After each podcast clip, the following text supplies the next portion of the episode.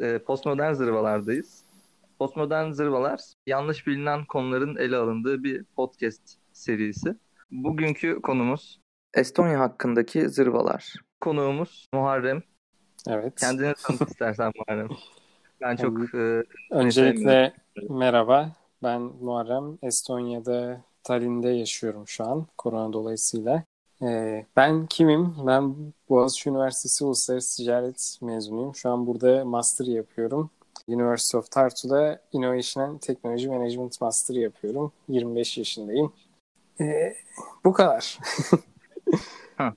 Estonya ile alakalı bazı zırvalar var. Öncelikle bazı insanlar fakir olduğunu düşünüyor ama bunlar çok cahil olanlar. ee, bazıları çok Slav kültürüne dahil olduğunu yani Rusya'nın bir uzantısı olduğunu falan düşünüyor. Eski Sovyet ülkesi olduğu için. Bir de daha Estonya ile alakalı bir şeyi bildiğini zannedenler ya da gerçekten bilenler Estonya'nın çok dijital bir ülke olduğunu düşünüyor. Böyle e-residency, aynen e-vatandaşlık olduğunu söylüyorlar. İşte ha, Estonya'da şirket kuruyoruz sonra hop Avrupa Birliği'ndeyiz falan diyorlar.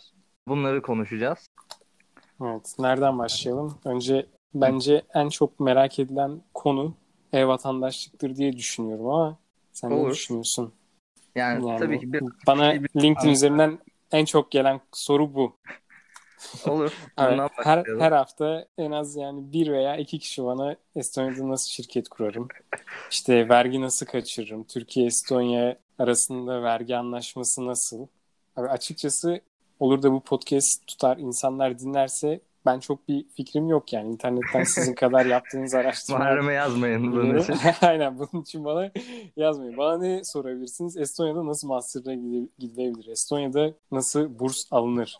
Estonya'nın devlet bursu yani need-based burs nasıl alınır? Bu, bu tarz konularda her türlü bilgi verebilirim. Estonya'da nasıl survive edersiniz? Bu konularda bilgi verebilirim ama e-vatandaşlık, e-residency, vergi kaçırma, Avrupa Birliği'nde işte ne bileyim en çok gelen sorulardan bazıları şunlar oluyor. İşte Amazon'da bir şeyler satmak istiyorum. Estonya üzerinden PayPal hesabı açıp dropshipping. E, tür, dropshipping veya işte Türkiye'ye vergi ödemeden nasıl işte vatandaş Zengin olabilirim? Olurum. Evet yani şu şu bile var yani insanlar e-vatandaş değil direkt normal vatandaş olabileceklerini falan sanıyor. Arkadaşlar öyle bir şey yok. Yani benim de bildiğim kadarıyla aynen bu en büyük zırva daha büyük bence şu e-vatandaş olduğunuzda size kesinlikle Estonya'ya vize bile vermiyorlar. Yani bir e-resident olarak gelip Estonya'ya seyahat edemiyorsunuz. Yani aldığınız... Banlanıyor musun? Yok öyle Yoksa bir şey yok. Yani. vize alman bir, gerekiyor. Bir vize geçerli yok yani evet. Yani Estonya'dan vize almak çok zor mu? Bence kesinlikle değil. Yani bir Avrupa Birliği ülkesine geziye gidecek olsam ben Estonya'dan vize almaya kalkarım. Çünkü süreçler kolay. Yani tamam dijital Küçük ülke. Yani küçük ülke bir de insentifler, teşvikler var. O yüzden insanlar şöyle düşünüyor. Yani gelen ya para bırakır ya bir iş dolayısıyla geliyordur. Vize verelim gitsin hani. Zaten çok fazla göçmen nüfusu olan bir ülke değil. Yani bir göçmenin gidip yapabileceği bir şey olan bir ülke de değil. Eğer yani tutup da mesela Almanya'ya gittiğimde ben havaalanında kesinlikle bir Türk'le karşılaşırım abi. Temizlikçi Türk vardır yani. Ama bir Estonya'da bu tarz pozisyonlarda yani Ruslar mı var yoksa kimse yok mu? Ruslar mı var? Güzel soru. Açıkçası buna sonra şey yapabiliriz. Aynen bunu, buna sonra değinelim. Benim e, kız arkadaşımdan dolayı yani bu low skilled e, daha az yetenek isteyen işlerle ilgili bilgim birazcık var. Kimler nerede çalışıyor falan. E, ev vatandaşlığa geri dönersek arkadaşlar sağladığı en büyük avantaj benim de internetten okuduğum kadarıyla yani PayPal kullanabiliyorsunuz. Ve tabii ki bir Estonya'da şirket itibarı oluyor. Estonya özellikle son yıllarda kendinin çok iyi reklamını yaptığını düşünüyorum. Yani altının boş olduğunu düşünüyorum. Ne kadar dijital bir toplum yarattıklarını söyleseler de abi sonuçta teknoloji her yerde aynı teknoloji. Bence fark teknolojiyi kullanmakta hani teknolojide herkes aynı seviyede kullanmıyor yani. Türkiye'deki 50 yaşındaki teyze ile buradaki 50 yaşındaki teyze bence teknoloji kullanım açısından birbirine yakındır.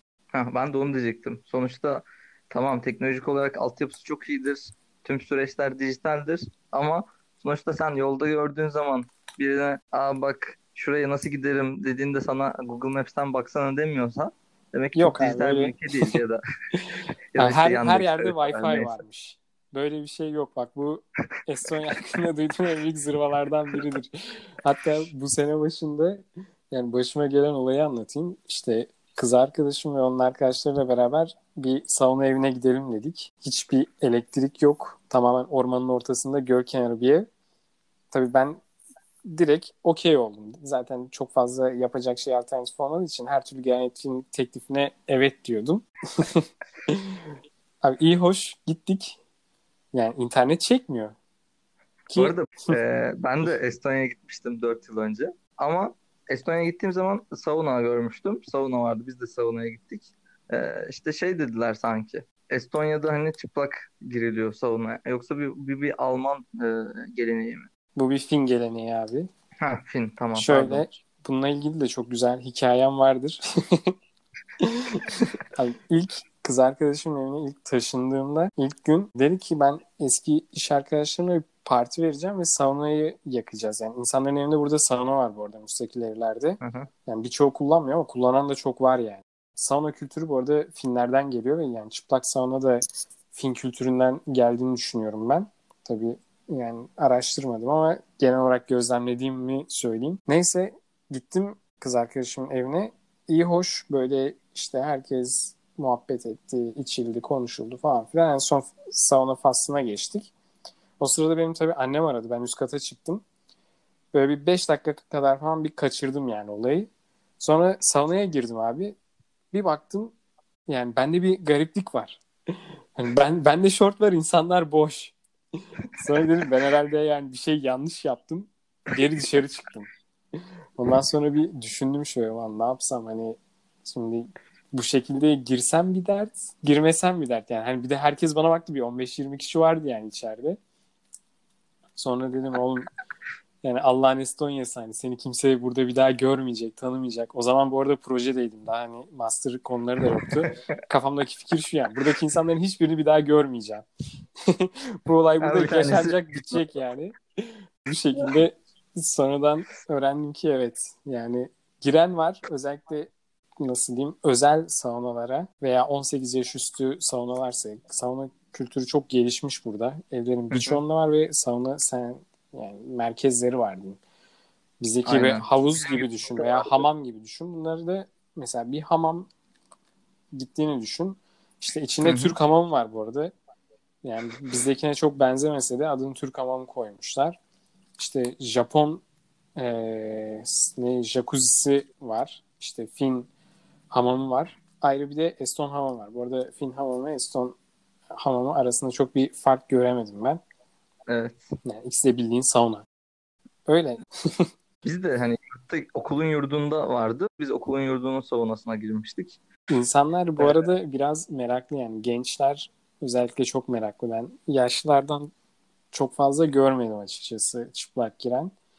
Hani onlar daha çok sahilde işte üstsüz güneşlenen falan oluyor ama yani gençler arasında bu daha da bence popülerleşiyor. Böyle insanlar kendini daha marjinal hissediyor diye düşünüyorum.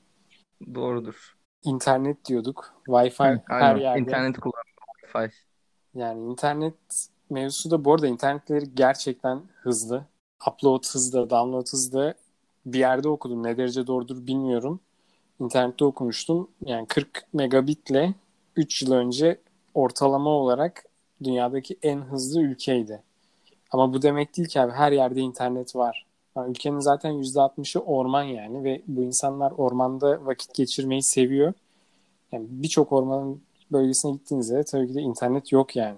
Bu, bu arada bunu niye bu şekilde söylüyorum? Buraya gelen insanlar gezmeye geldiğinde bu tarz yerleri gezmeye gidiyorlar. Yani herkes tamam Tallinn Old gitti işte bir gün. Ne bileyim Tartu'ya gitti bir gün. Parno'ya gitti bir gün. Ondan sonra doğa gezileri yapıyorlar özellikle yaz mevsiminde. Özellikle tur rehberleri bana bunu söylemişti yani. Dedi ki her gelen şu beklenti yürüyor abi ormanın içindeyiz internete bağlanacağız. Çünkü böyle bir reklamları varmış. İşte adam elinde telefon orman ortasında işte kaybolmuş. Sonra Wi-Fi'ye bağlanıp ulaşıyor. Kendini kurtartıyor falan filan. Böyle bir şey belki olan vardır. Ben denk gelmemişimdir. Bilmiyorum. Peki abi iklim kültürü olarak nasıl? İklim olarak çok soğuk. Evet. Kışları. Abi iklim Hatta kışları çok soğuk. E, Kar yerden Mart'ın sonuna kadar kalkmıyor herhalde. abi bu şu an zırva haline gelmiş bir olay. bu sene itibariyle ben bu sene burada kar çok az gördüm. Yani iki gün kar gördüm. Beklentimiz daha farklıydı çünkü burası kışın karanlık olduğu için kar olunca yerde bir ışıma yapıyor ve aydınlanıyor abi. Kar bizim için güzel bir şey oluyor burada. Ama maalesef küresel ısınmayla ilgili olduğunu düşünüyoruz. bu sene kar yağmadı. Ama ben mesela 4 sene önce gittiğim zaman Mart'ın ortasında kar yerden kalkmamıştı. Evet, Bunu geçen geçen sene burada Aynen. Nisan ayında kar yağmıştı. Bu sene de yine Nisan'ın başında kar yağdı ama yani ertesi hemen iki saat sonra güneş açtı ve tutmadı yani. Öncesinde böyle olmuyordu. İlginç evet. Ben iki sene önce Hmm. geldiğimde 2018'de yazın Oklahoma'daydım. 2 yıl olmuş ya. Evet iki yıl oldu. Öncesinde Oklahoma'da exchange yapıyordum. Oklahoma çöl iklimi yani Amerika'nın ortası. Orada tabii sıcakta yanıyorum falan. Türkiye'de sadece bir hafta kaldım arada. Sonra Estonya'ya geldim ve kışlık bir şey götürmedim yani yanımda. İlk bir haftada hava cidden çok güzeldi. Haziran ayındaydı gittiğimde.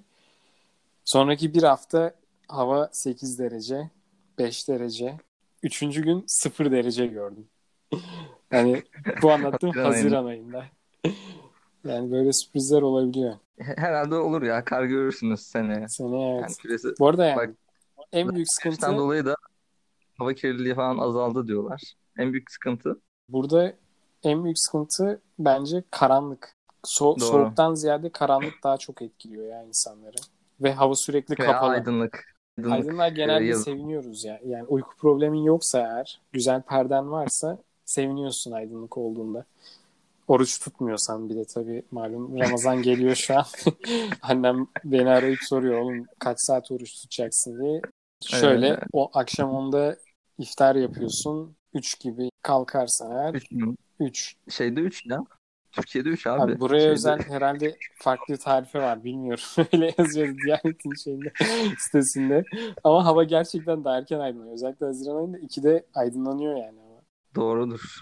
Ne diyecektim? Kültür olarak falan nasıl? Anlatmak istediğin hani aklına gelen bir şey var mı? Mesela benim gittiğimde fark ettiğim ilginç bir şey e, kahve ve şeker tüketimiydi. Bir de insanların böyle şişman olmasıydı.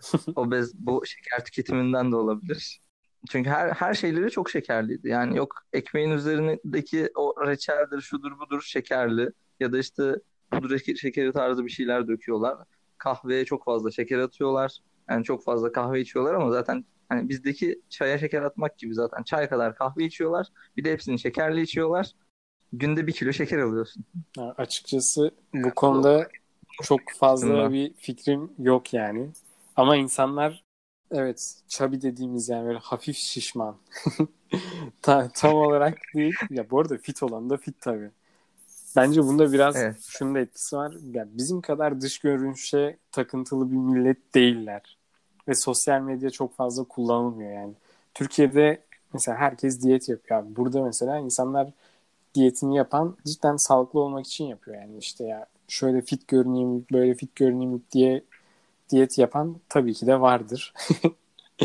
Yoktur diyemem ama birçok insan sağlıklı olmak için diyet yapıyor. Bir de şey yani o kadar soğukta biraz yağın olması Ha, lazım e, ki. tabii tabii abi o da önemli yani. Bir de insanlar zaten vücudunu sergileyemiyor ki. Şöyle düşün. ben şu an bak hava çok güzel diye seviniyorum. Her gün bisiklet sürmeye çıkıyorum ama giydiğim mont yani vücudum tamamen kaplıyor yani. Dizlerime kadar mont giyiyorum. Yani şimdi şu an düşün Nisan'ın sonuna geliyoruz. Mayıs ayı olacak. Belki hani Haziran ayında tişörtte dolaşırım. İşte Temmuz'da böyle bir iki hafta tişört. Sonra hava iyi olduğunda giyersin ama üstüne yine bir şeyler giyersin yani. Doğru. Master ilkokul eğitim sistemi nasıl? Yani Ha, burada bu arada şeyi konuşmaya gerek yok e, diye düşündüm ben. Hani master'a nasıl girdin falan filan. Ama hani ilk oradaki eğitim sistemi nasıl? Bana da birkaç şey demiştin önceden ya de. eğitim sistemi beni en çok şaşırtan şey şuydu. Tabii her okulda yoktur bu. Ama belli başlı okullar mesela Türkiye'de iyi okul dediğimiz ne bileyim Robert Koleji olsun. Burada da işte Alman okulu var. Birinci sınıftan 12. sınıfa kadar okuyabiliyorsun ama girişte bunlar senden bir sınav çözmeni bekliyor. Yani 6 yaşındaki çocuk okuma yazma biliyor belli başlı matematik işlemlerini yapıyor olması lazım okula girebilmesi için. Üniversite sınavı yok belki Yani bizdeki ama 8. sınıfta girilen sınav orada 1. sınıfta. aynen yani birinci sınıfta sen bu sınavı vermen gerekiyor. Bu bana çok ilginç gelmişti. O yüzden çocuklarına okuma yazmayı evde öğretiyorlar. Estonlar kendileri okulda okuma yazma öğrenmiyorlar ve ben bunu arkadaşlarımla konuştuğumda bana gülmüşlerdi. Nasıl yani? yani annem baban sana okumayı öğretemiyor mu? Niye okula gidip okulda öğreniyorsun? gibi bir muhabbet olmuştu. Yani düşündüm biz neden okulda okuma öğreniyoruz? Annemiz babamız bize okuma öğretemiyor demek ki. gibi çıkarımda hani- bulundum yani sonrasında. Biz de şöyle düşünüyoruz. Abi okuma yazmayı da okulda öğrenmeyeceksem okulda ne yapayım? Hani biz Evet. önce yapısı bu. Ama adamlar galiba okulda oyun oynuyorlar. Ee, ya da ne yapıyorlar? Daha mı sosyal? Ya okulda İlkokul. İlkokulda şöyle bizden daha farklı eğitim sistemleri. Bunlar tamamen abi, Finlandiya eğitim sistemi neyse birebir aynısını kopya ediyorlar şu an günümüzde. O yüzden daha aktivite entegre mi diyeyim? Yani daha aktivite odaklı eğitimleri var. Ama tabii ki de bir eğitmen değilim. O yüzden çok da iyi bilmiyorum yani. Tek bildiğim pizza skorları çok iyi. Şu an dünyada ilk üçteler. Pizza skoru. Pisa. Pisa, evet. Ee, birinci sınıf Pizza deyince Evet. Pisa evet. ee, birinci sınıftan itibaren kodlama eğitimi veriyorlar ama ben çok yararlı olduğunu düşünmüyorum. Çünkü kendi şeyimde baktığımda bilgisayar mühendisliğinde okuyan çok az Eston var. Veya master programında de- çok az Eston var. Yani kendi Hı hı. ülkelerine yeterli iş gücü sağlayamıyorlar bu konuda. Demek ki başka ülkelere gidiyorlar ya da gerçekten başarısızlar. Ya şöyle insanlar daha konu- bence o alana yine de yönelmiyor yani. Sonuçta hepimiz bir sürü ders görüyoruz ilkokulda. İlgin neyse ona doğru yöneliyorsun veya üniversite sınavı sonucuna göre yöneliyorsun bir şeylere. Burada da aynı şekilde. Herkes programlama görüyor ama Bir çok az kişi mühendis oluyor. Kodlama öğrenmesi ayrı bir zırva da olabilir. Evet. Bu da benim düşün. Tam. 1 milyon işte ne programcı mıydı? Yeni açıklanan. Aynen. Yani Damat, damatlar e, yarışıyor. Cüneyt Özdemir'in Bilmiyorum izledim mi son e, Yok. yayınında ben çok beğendim onu ya. Diyorlar işte Selçuk Bayraktar çok gitti abi bizim de bir şeyler yapmamız lazım. İşte diğer damat uçuyor bak hani ne yapalım işte bir milyon yazılımcı yapıştır teknoloji bizde de var bir şeyler. Yani ama bunu e, reisimiz demeden önce de ben söylüyordum birazcık zırva diye. Yani reis dediği için demiyorum bunu. Önceden de eleştiriyordum. Hani herkes yazılımcı olmalı mı diye. O biraz düşünülmesi gereken bir konu bence. Öyle abi Neyse. herkes data scientist de olmamalı. Aynen. bu da Bunu- bu da bir, herkesin Python öğrenmesine de gerek yok. Mesela herkes niye data science öğrenmemeli ya da gerek yok sence? Neden gerek da- yok? Mesela Niye- şöyle abi LinkedIn'e şu an girdiğimde herkes korona analisti olmuş. Yani insanlar şöyle sanıyor. Bu da bir zırva bence de. Neyse ben de zırvalıyım hadi. Bunu eleştiren de çok var da. İki kod yazmayı öğrenen işte iki grafik çıkarttığında kendini hemen analist sanıyor. Bak ben de şu an burada aldığım eğitimde işte Python eğitimi alıyorum. İşte bunun görselleştirilmesi eğitimini alıyorum. Ama aynı zamanda şunun eğitimini de veriyor adamlar. Yani bir algoritmayı anlama, işte bunu yorumlama, istatistik nedir, nasıl yorumlanır. Ama bizim insanımız istatistik çok teorik bir ders olduğu için onu çok umursamıyor. O kısmı atlayıp direkt hemen işte kod nasıl yazılır. Yani sadece bizim insanımız değil. bu Dünya genelinde bence böyle bir Aynen. akım var. O yüzden Evet. bir sürü data scientist title'ıyla e, data science'la bence alakası olmayan insanlar türedi şu an piyasada. Doğru. İki grafik göstereyim. Görselleştirme e, araçlarıyla. Yani bence gerçekten iyi bir PhD mezunu data scientist'tir. Hmm. Bir de çünkü şey diyorsun. Burada istatistik bilgisi de çok önemli. O soyut istatistik bilgisi. Bir şeyleri anlama, yorumlamada önemli ve insanlar hani bunu yapamıyor. Asıl yapması gereken şey bu. Yoksa ben başka bir yazılımcıya da diyebilirim ya da data scientist'e de bak şunu şöyle yapacağız. Buna göre nasıl sonuç çıkacak? Yani bir de yani her türlü datayı manipüle etmek çok kolay abi. İstediğin sonucu her türlü çıkarsın istedikten sonra. Evet. Yani insan inanmak istediğine kendini inandırıyor bence bu alanda. Eğer iyi bir gerçekten objektif metotlarla ilerlemiyorsan ama kötü bir şey mi? Bence beyin pra- pra- pratiği yapıyorsun. O yüzden yani kodlama öğrenmekte bir sakınca yok. Yani Evet. tabii bir- birçok şirket de Ee, sadece pratik alanına ihtiyaç duyuyor. Böyle de bir gerçek var yani. Tutup hani Python öğrendin işte altyapısını öğrenmedin işte işsiz kalacaksın bir boka yaramıyor. Böyle bir şey de yok yani. Ama tam tersinde de hani gittikçe bu şeyler kolaylaşıyor. Yani Python zaten önceki programlama dillerine göre daha kolay bir dil ve data science'de çok kullanılıyor.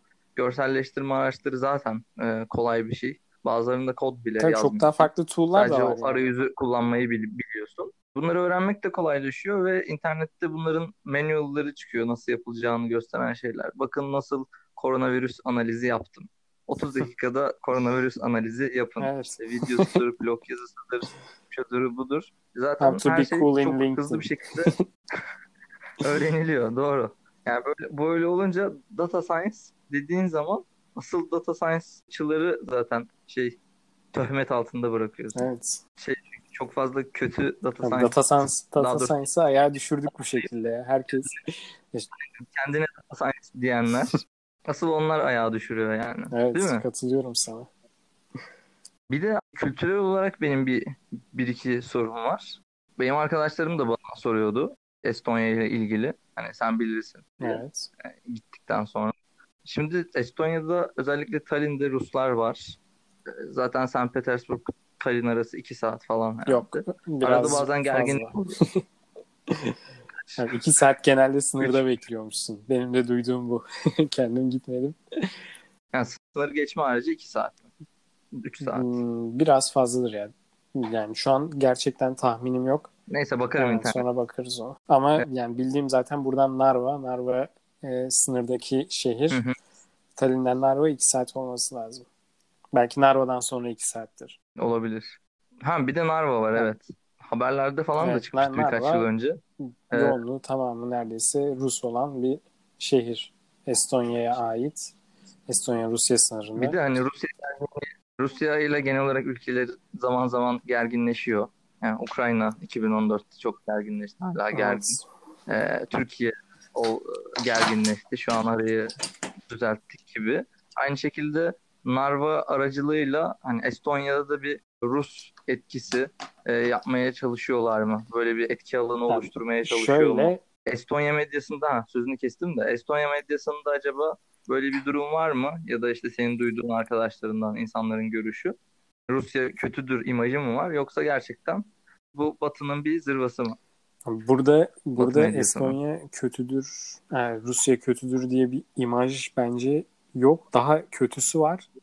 Buradaki insanlar Rusya'yı tamamen silmişler yani. Hani Rusya duymak istemiyorlar. Yani şöyle tabii ki de Sovyet zamanında Estonya en çok çeken ülkelerden biri olmuş yani Rus yönetiminden özellikle Stalin döneminde ve şu an yani inanılmaz intikam alıyorlar diye düşünüyorum ben bir Rus mahallesine girdiğinde anlıyorsun. Ben şöyle düşünüyordum. Estonya'da getto yok sanıyordum. Ta ki geçen hafta bir Türk marketine gittim burada. Vay be orada Evet burada öyle var. Türk marketi var abi. Abi Lasname diye geçiyor bölgenin adı. Lasname'ye gittim bildiğin tamamen Sovyetler Birliği'nin o döneme giriyorsun yani. O büyük apartman blokları, balkonsuz işte 10 katlı apartman, yan, yana 20 tane pencere, oda artık. Yani tamamen bir şey ve buradaki yaşayan nüfusun çoğunluğu Rus. Bu arada e, Rusya Narva'dan ziyade Tallinn üzerinde de bence etkisi çok. Çünkü burada da Evet. yanlış bilmiyorsam %30 %30'un daha üstünde yani %40 nüfus şöyle yani sadece Rus olarak katmıyorlar çünkü farklı insanlar da Rusya'yı hala destekliyor. Yani Estonların içinde destekleyenler de var. Ama tam tersi yani bu bizim Türk-Kürt meselesi gibi değil bunlarınki. Eston-Rus meselesi daha farklı. Estonya sürekli Rusları bence görmezden geliyor. Özellikle kendi içindeki Rus vatandaşlarını bile görmezden geliyor abi. Burada şöyle bir yasa var. Eğer 35 yaşın üstündeysen ve Estonca konuşamıyorsan vatandaşlık alamıyorsun. Ki buradaki Rusların birçoğu Estonca konuşmuyor. Birçoğunun vatandaşlığı yok. Hmm. O yüzden Çoğu zaten yani sosyal e, yardımlardan faydalanamıyor. Devletin Anladım. vatandaşı değil zaten. Bu insanların açıkçası bir kısmı Rus vatandaşı, olmayan ne vatandaşı fikrim yok.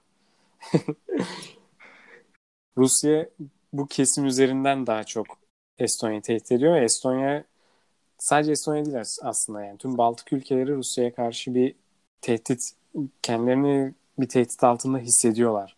O yüzden hepsi NATO'ya üye ve sürekli bir NATO toplantısında yani ben bakmıştım başlıklara bu konuyu biraz araştırdım da Google'larsanız görürsünüz yani işte Baltık ülkeleri daha fazla NATO birliği talep ediyor bu toprak. Özellikle Ukrayna Kırım'ın işgali sonrasında yani buradaki insanlar daha büyük tehdit ediyor ve şu an hani günümüz düşünürsek Avrupa Birliği'nin biraz çatırdadığı konuşuluyor. İnsanlar daha da tedirgin. Evet doğru. Bu ülkelerin orduları da yok gibi bir şey. Yani, yani NATO var işte. Gibi ülkelere göre gibi bir şey.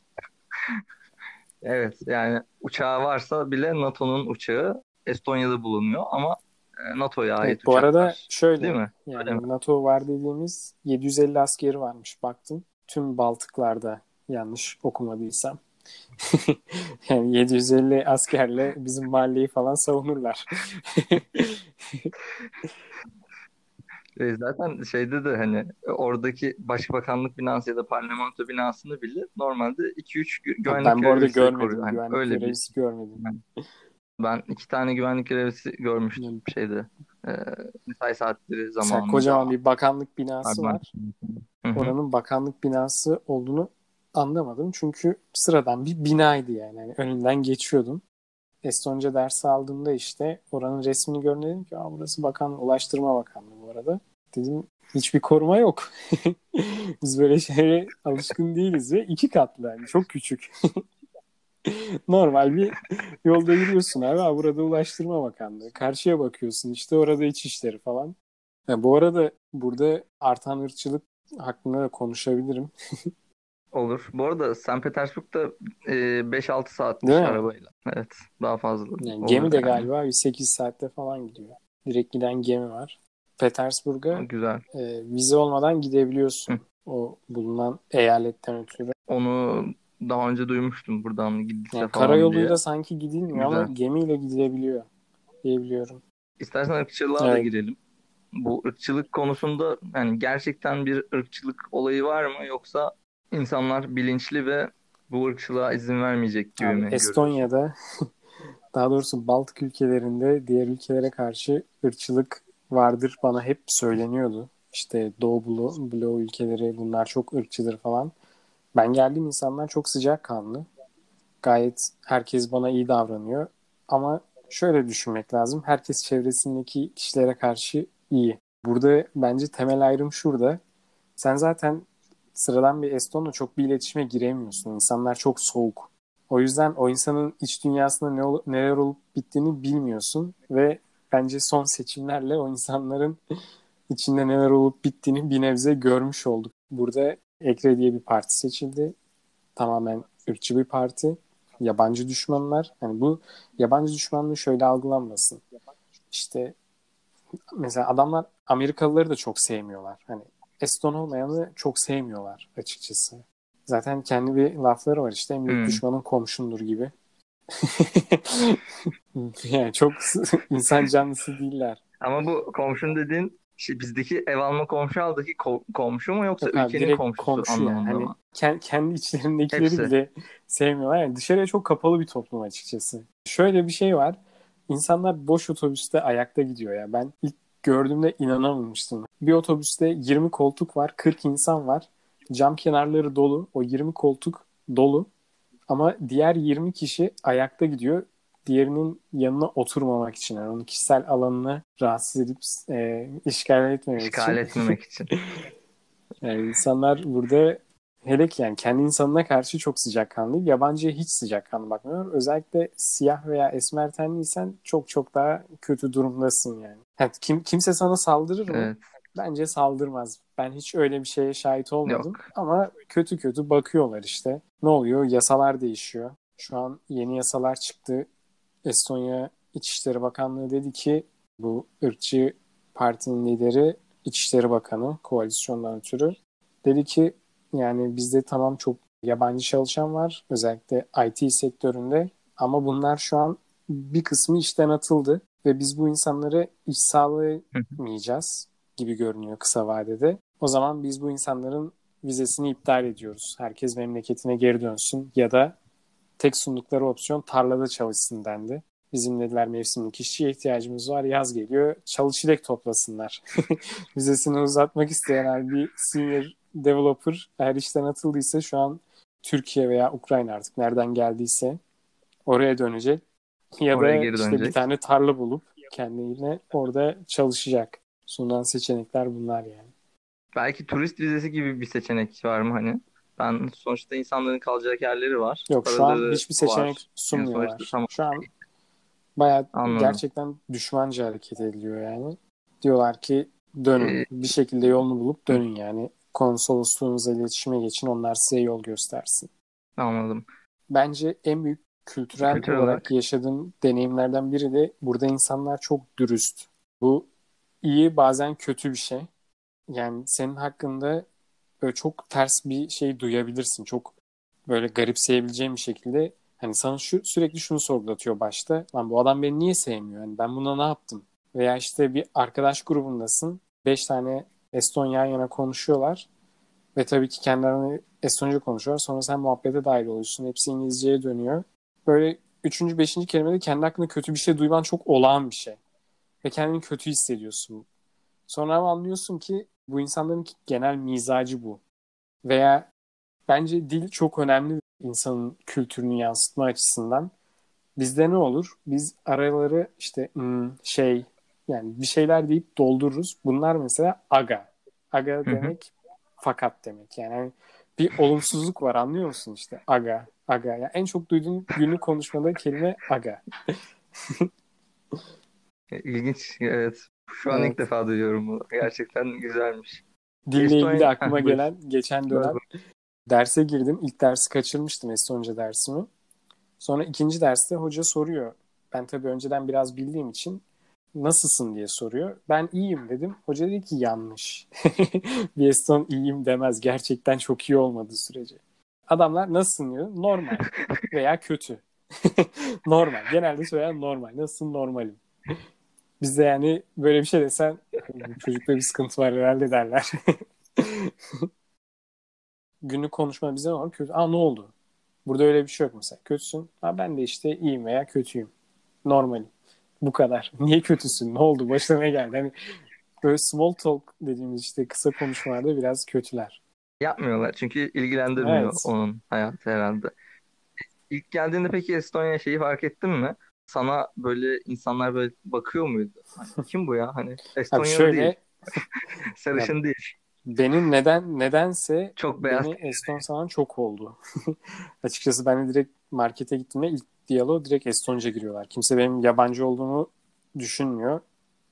Veya yanımda bir yabancı arkadaş varsa o zaman hani yabancı olduğunu düşünüyorlar. Belki yani Samsun'un olduğum için midir?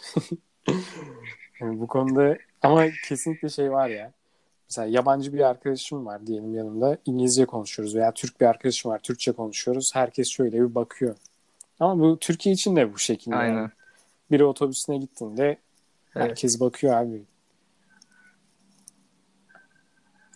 Yani otobüste düşün biri ya, biri Trabzonlu şivesiyle konuştuğunda bile bakılıyor.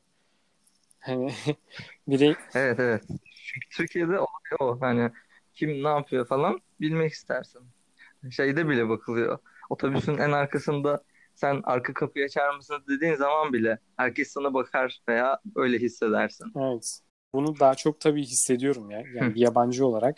Ya da tabii belki alınganlık yapıyorum. Bazen çünkü şunu da düşünüyorum. Bana bakıyor mu? bana kötü mü bakıyor? İnsanların bazılarının suratları cidden özellikle yaşlı insanların suratları çok asık diyorum acaba hani ırkçı diye mi bana böyle bakıyor? Türkçe konuşuyoruz diye mi bana böyle bakıyor?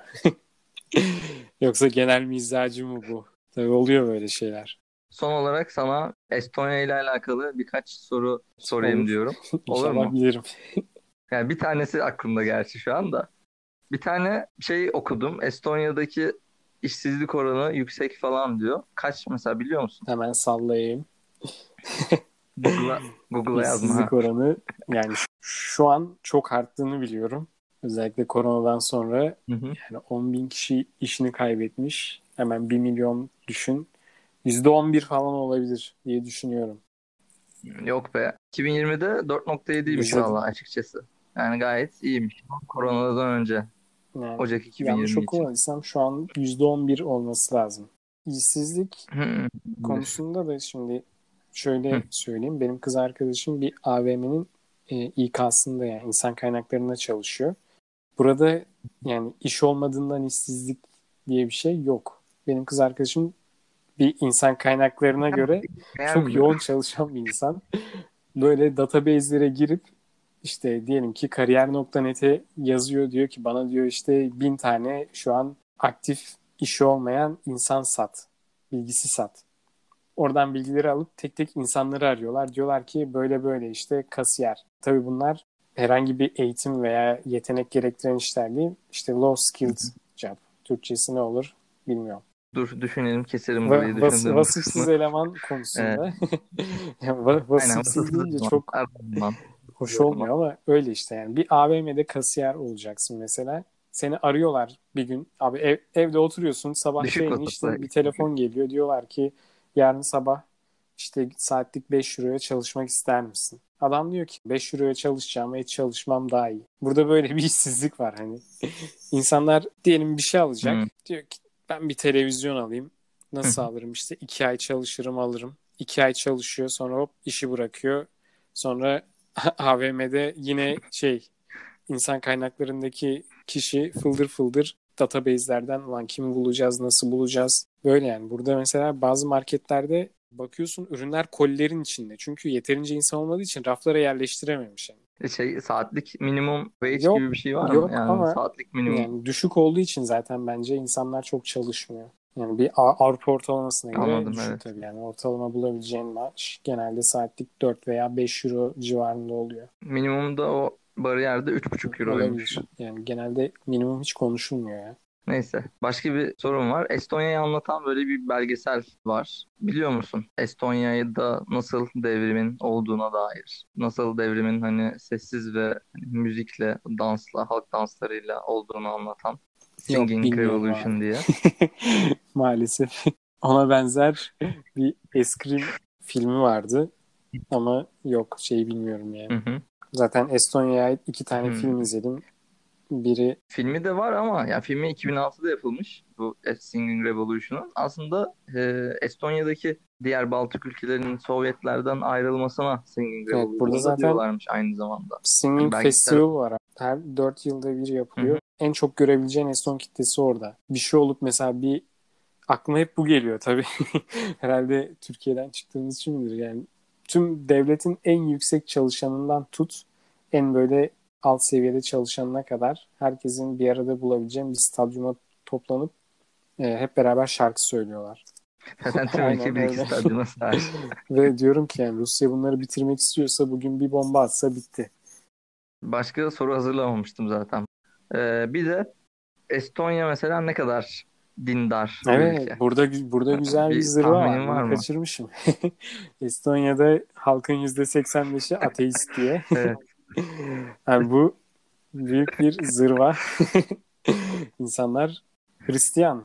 Şöyle yani bir kiliseye gitmemeleri onları nasıl ki yani bizde insanların yüzde kaçı camiye gidiyor? Öyle düşün. Evet. Ya da yüzde Evet. kaçı düzenli Yani olarak bir camiye gidiyor. Araştırma sıfır ama ve bu anketin sonucunda insanlar yani demiş ki ya benim günlük hayatımı din çok fazla etkilemiyor. %85 bunu demiş. Ama bu demek değil ki bu insanlar yani herhangi bir dine mensup değil veya işte ateist. ateist. Böyle bir şey yok. Yani tabii en dinsiz ülkelerden biri gördüm. Bazı insanların gerçekten hiç yani bir Allah kavramı veya herhangi bir yaratıcı kavramı yok ve şunu anlayamıyor mesela konuştuğumuzda bir Müslüman neden bir yaratıcıya inanmak mecburiyetinde hissediyor kendini. Çünkü adamın kafasında öyle bir olgu yok. Tabii bu noktada ben şunu düşünmüştüm. "Lan Hani fıtratımızda vardı bizim diye bir demiştim. bu adam niye bu olguyu o zaman oturtamamış kafasında? Ee, Herhalde Evet, Sovyet yani komünizmi. Oradan gelen da bir gelenek belki de. kiliseye gidiyorlar. Kiliseler var. Etkinlikler oluyor. Denildiği kadar, abartıldığı kadar yüksek değil yani. Evet yüksek ama belki yani %85 %40 değil yani. falandır. Güzel. Ama o şeyi biliyormuşsun o oranı da. Benim soracağım bu kadardı. Sizin de Mami'ye sorunuz varsa LinkedIn'den Muharrem falan Demir. sorabilirsiniz. Eğer soracaklarsa Ee, baştan söyleyeyim yani çok bir fikrim yok. Diğer master olur. Burada çalışma hayatı olur. O konularda yardımcı olmak isterim. Yazabilirler. genel olarak eleştiriniz. Bu programla alakalı sevdiğiniz, sevmediğiniz yerler olursa bana da bunu yazın lütfen. Eleştirin. O şekilde daha iyi yapmaya uğraşacağım ya da uğraşacağız. postmodernzırvalar.gmail.com Eğer YouTube'a yüklersem de YouTube'dan yorum olarak eleştirilerinizi iletebilirsiniz. Söyleyeceklerim Evet, bu kadardı. Sana programın geri kalanında başarılar diliyorum. Dinlediğiniz için teşekkür ederim.